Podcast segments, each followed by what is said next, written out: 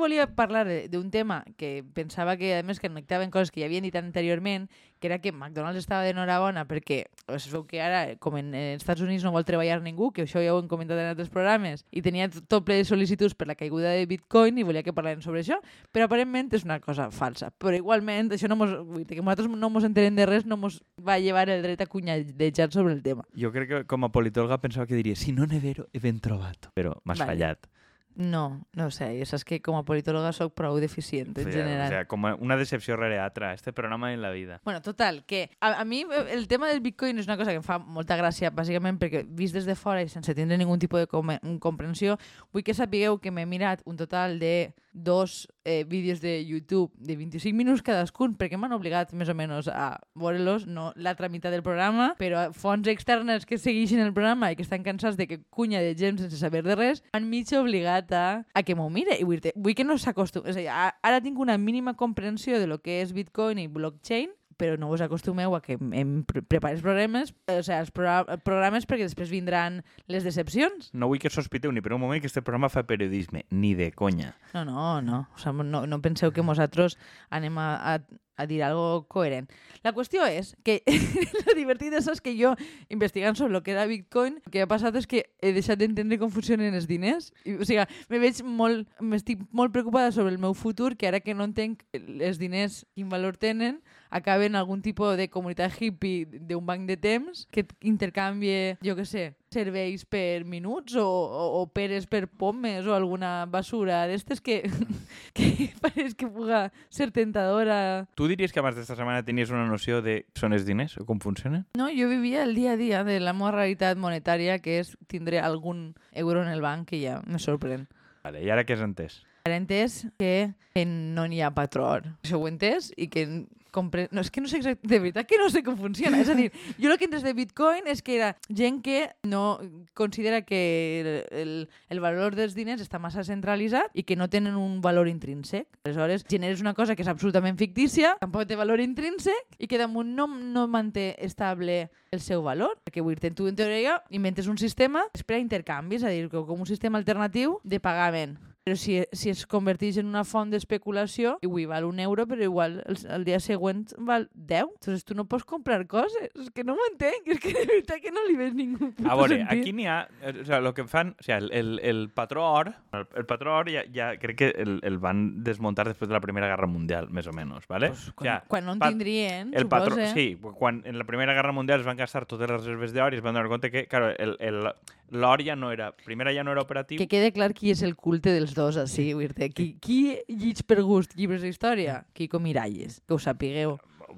No sé si diria jo gust, però bueno, bé, ahí estem. Eh, I aquí la cosa... O sea, fins a 1971, que crec que va ser Nixon que ho va derogar, tu podies agarrar els teus dòlars I anar I a anar canviar-los a- al banc. Això, això en el vídeo ho feien dibuixets i ho entès perfectament. Tu podies anar i fer-ho. Entonces, en un moment determinat es van donar compte de que n'hi havia un problema. Per què l'or havia de ser el patró? Què té d'objectiu l'or? O sigui, no n'hi ha res que n'hi hagi mines d'or o tal. Entonces, això, com això ho han, ho han Bitcoin l'ha muntat Incels, que Bueno, això és un altre tema que crec que eixirà, no? Quin és el perfil d'entusiasta del Claro, Bitcoin? el, to- tota la vida, els, els, ese perfil de fatxa yanqui pensen que el gran problema de la societat occidental és que ha abandonat el patró or, perquè l'or n'hi havia valors, la dona estava en casa i tenies l'escopeta, ¿vale?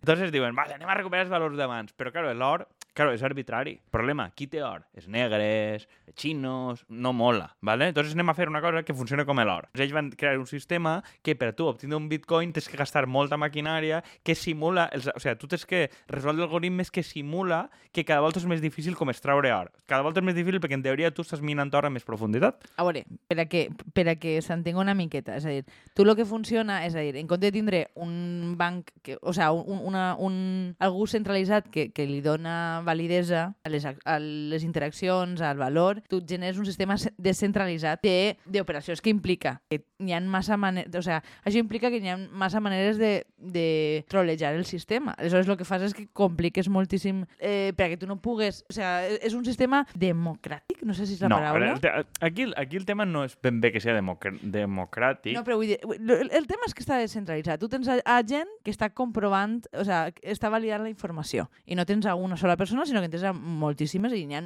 moltíssimes operacions fent-se simultàniament. Què passa? Tu, o sea, des d'una IP, podri...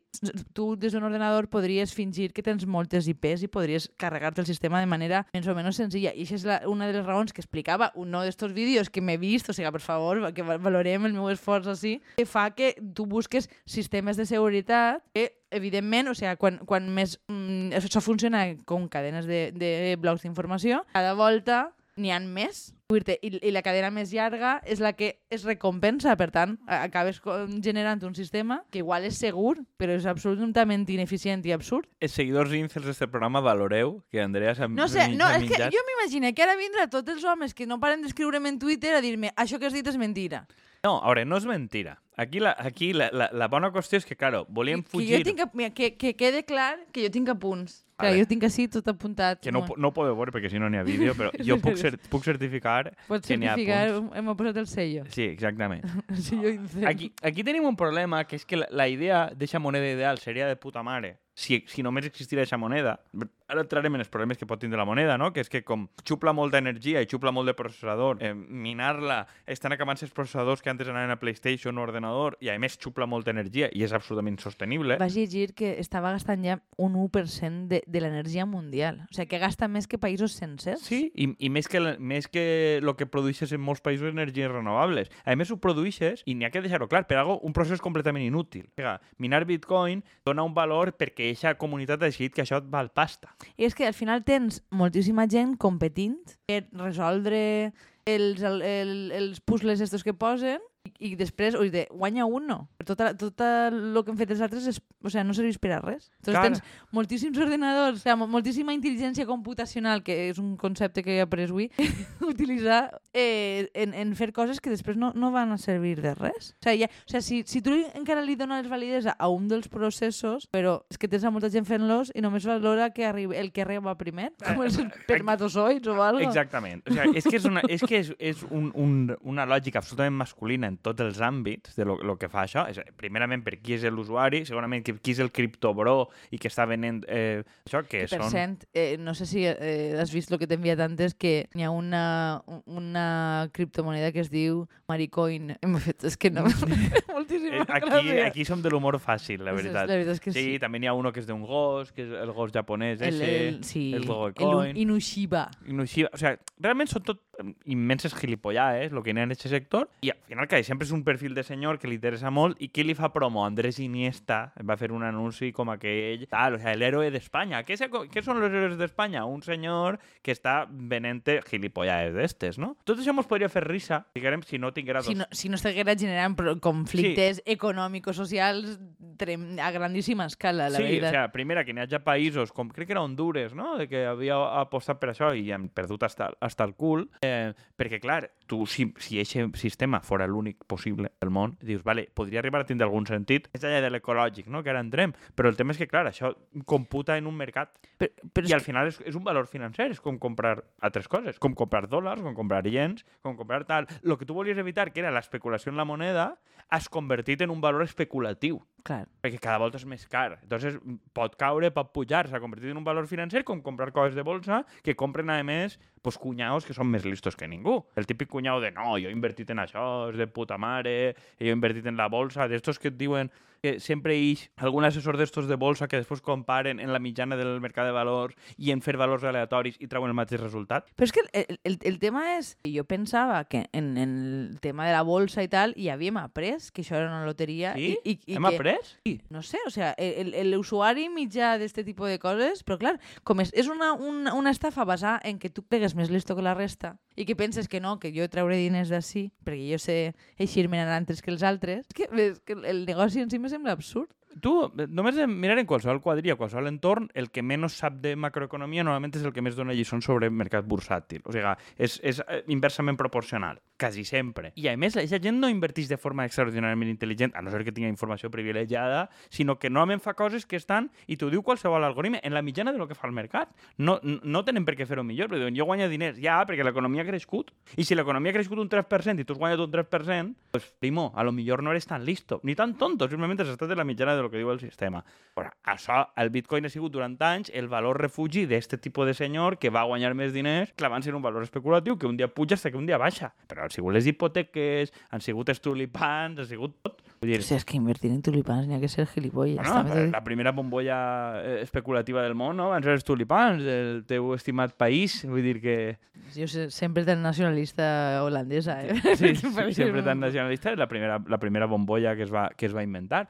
I clar, tot això seria una cosa de friquis, o sigui, de friquis i països friquis invertint en bitcoin i perdent diners, si no fora perquè a, a nivell ambiental tenim un problema de l'hòstia en aquest tema. Clar. I, i no l'estem regulant i, a més, eh, bueno, és que cada volta va pitjor. Entenc, o sea, que també o sigui, un Bitcoin apareix també com una miqueta per a, mm, en ganes d'evadir impostos, igual que, o sea, que pràcticament tot el que s'ha fet P2P al final ha sigut aprofitat per a grans empreses que volen pagar menys. Ho dic, ho dic, per exemple, en el cas d'Airbnb, que també diré com, ah, no, és un negoci col·laboratiu. Al final tens una macroempresa que guanya una pasta i que tens cada volta més immobiliàries i més, i més persones que concentren el negoci. Em fa la sensació que la idea de, dels sistemes descentralitzats sona molt xula, perquè Torrent funciona així, que és un, el que diuen els, els criptobros i no sé quantos, no? Vull dir que, n'hi ha, que té moltes potencialitats, però al final sempre acaba sent igual descentralitzat o més, l'únic que sense ningun tipus de vessant pública. Home, jo crec que no és casualitat que els sectors en què més s'està gastant això sigui per a comprar porno, droga, apartaments turístics fora de control, o sigui, serveix per a tot això. És, avui en dia tu ja pots comprar prou coses en bitcoins o criptos d'estes, per tant, serveix per a eh, eh, evadir el control de l'Estat, i evadir el control de l'Estat doncs, és una molt bona idea sobre el paper, però el 99% de gent que evadir el control de l'Estat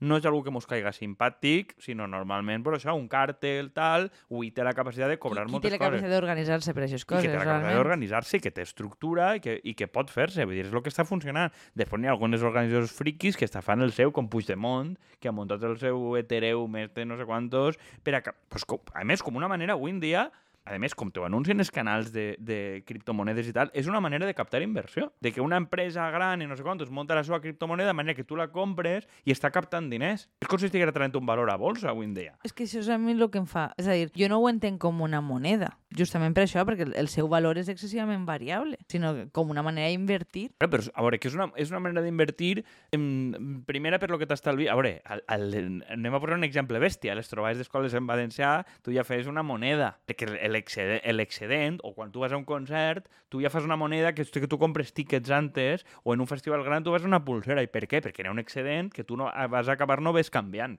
I això captes. O sigui, que això és el que no és intuïtiu per a la gent. No és només Però- una moneda de canvi. I si no, bueno, si, si no recorde malament, eh, inclús a València ciutat, és a dir, lo del camp de temps, eh, o sigui, el, el banc de temps ho dia abans una miqueta en broma, però dir que, que sí que ha funcionat el tema de monedes del barri, és a dir, que tu només podies... És a dir, això va, va passar fa uns anys, eh? València ciutat també crec que en alguns dels mercats ho van fer, que a banda d'euros mm, podies pagar en una moneda X, era una manera d'assegurar-te que retornava eh, als negocis del lloc, Sí. no? Perquè vull dir, només podies pagar en una, una zona com molt lo- localitzada, molt... Mm, o sigui, un barri, un, eh, crec que en Russafa, per exemple, ho van fer, com o no, o sigui, el barri Sí. de Modernillos Zero sorpreses, sí. però vull dir que en aquest cas pues, encara li podies veure una vessant mínimament progre de dir, bueno, és una manera d'assegurar-te que no, evidentment no ha tingut continuïtat perquè crec que a aquesta escala és molt difícil que funcione. A més, no crec que, tal com funcionem a nivell econòmic, no tens capacitat de, repartir els diners, o sigui, no, no tens tanta necessitat de, de recursos locals com per a poder-ho mantindre. Claro, és que el tema és també quines coses compres. És que, clar, tu, com a, tu eres una tenda d'alimentació, tu suposo que pots comprar alimentació de barri, però probablement si t'has comprar una planxa i una cosa en la ferreteria i tal, el, el, la persona que porta el negoci ha de comprar el gros de lo que fa, per exemple, la maquinària, les màquines d'afaitar, les claus, no sé quantos, les ha de comprar la gent i les ha de comprar en diners. Si el problema d'aquestes coses no és sempre... És igual que el bitcoin, no és la idea, és que això conviu en una altra moneda Exactament. i al final acaba fent una funció. I el mercat li acaba assignant una funció. I en este cas, pues, de valor refugi. En este cas, les monedes socials a Barcelona i a ciutats europees han funcionat més o menys bé o regular. Aquí el tema és que la moneda no existeix i no la trau un ajuntament o algo per a guanyar diners. en la pròpia emissió de la moneda, que és el que fan, que és Clar. com una empresa gran o tal, jo venc, trac en l'extra de que tu ja m'has comprat la moneda i tu te la pots gastar només en estos, en estos paràmetres, que al final és com una lògica con lo, que, con lo del festival a lo bèstia. Jo concentre la entrada de pasta només per Claro. un puesto i sempre no vas a gastar-te-ho tot. No un festival perquè vas borratxo, perquè tal, però al final funciona de la mateixa manera. O sigui, funciona de que n'hi ha un excedent sempre que està calculadíssim, igual que les tendes calculen que n'hi ha un tant per cent de robatori i ja està provisionat, això és el mateix, n'hi ha, un, ha un tant per cent que no vas a gastar-te i que és un benefici net per al festival. I això al final, el tema de les monedes funciona de la mateixa manera. Jo tinc un valor financer que va a moure's per ahir i, i coses que jo puc pagar. A més, com a curiositat, un dia ho parlàvem, té altres utilitats. Tu tens un país bloquejat com Iran, que no et deixen exportar petroli i gas, què fan ells? Agarrar motores de gasolina i minar bitcoin. Perquè és una manera de que després ells poden pagar algun tipus de subministraments fora. Claro, també està servint per això, que jo no estic d'acord, evidentment, en que bloquegen a un país o tal, però el que estàs fent és cremar gasolina a l'aire. Claro. O sigui, l'efecte està servint per això. Sí, bueno, i, i de fet ja sembla que hi ha moviments en molts països per a prohibir-ho. Perquè És, és a dir, tens a, a penya eh, siga evadint impostos, eh, gastant recursos energètics a tope, i que no anem sobrats en ningú puesto, i no li veig ningú benefici. És a dir, a, a, a nivell, diguem, de comunitat, que compartim despeses, etc, no fa la sensació de que aporti res. No, jo crec que el, el principal motiu per a, per a prohibir o limitar és la qüestió purament ambiental. Eh, ja, Sí. ja estan, eh, t'ho vaig passar l'altre dia, ja estan desactivant granges de bitcoin perquè Sí. probablement és més, a certa escala és millor fer bitcoin que plantar marihuana, té menys riscos. Clar. Eh, I el que fas és enganxar-te a la llum, claro, això xup la llum com un desgraciat. I, i, i l'altre derivat que he dit jo abans és el tema de circuits, que ja estem tenint problemes que mm, empreses com PlayStation o ordenadors que fan falta per a coses, eh, el, el, el número de circuits que tu pots produir és limitat i se n'estan anant a un sector absolutament inútil i no en fan falta. Estàs encarint mm, coses que necessites d'això, de un ordenador o un telèfon o tot tipus de televisor, o sigui, n'hi ha, ha molts, molts elements que ja no tenen el circuit que necessiten. No, però eh, a mi em fa gràcia perquè sempre estem en, le, en les aixones de eh, noves proves de que el mercat no s'autoregula. No? Eh, si tu deixes el mercat al seu lliure albedrío, acaba generant funcions absolutament ineficients i absurdes per generar benefici per a uns pocs. Vull dir, no, no enganyem. I jo crec... Jo no tinc massa clar quin serà el futur del Bitcoin a curt termini. Ja, ja hem vist que s'ha enfonsat en molt poc de temps. No sé si ara, de repente, serà com qualsevol altra bombolla, que de, igual que l'hem coneguda i ha protagonitzat durant un temps eh, tots els titulars, de repente nos, mos olvidarem, però no, li, no sé quina continuïtat té això en el fons. A veure, jo crec que si continues en funcional a grans organitzacions com pugui ser els càrtels de la droga, eh, Ja, això sí.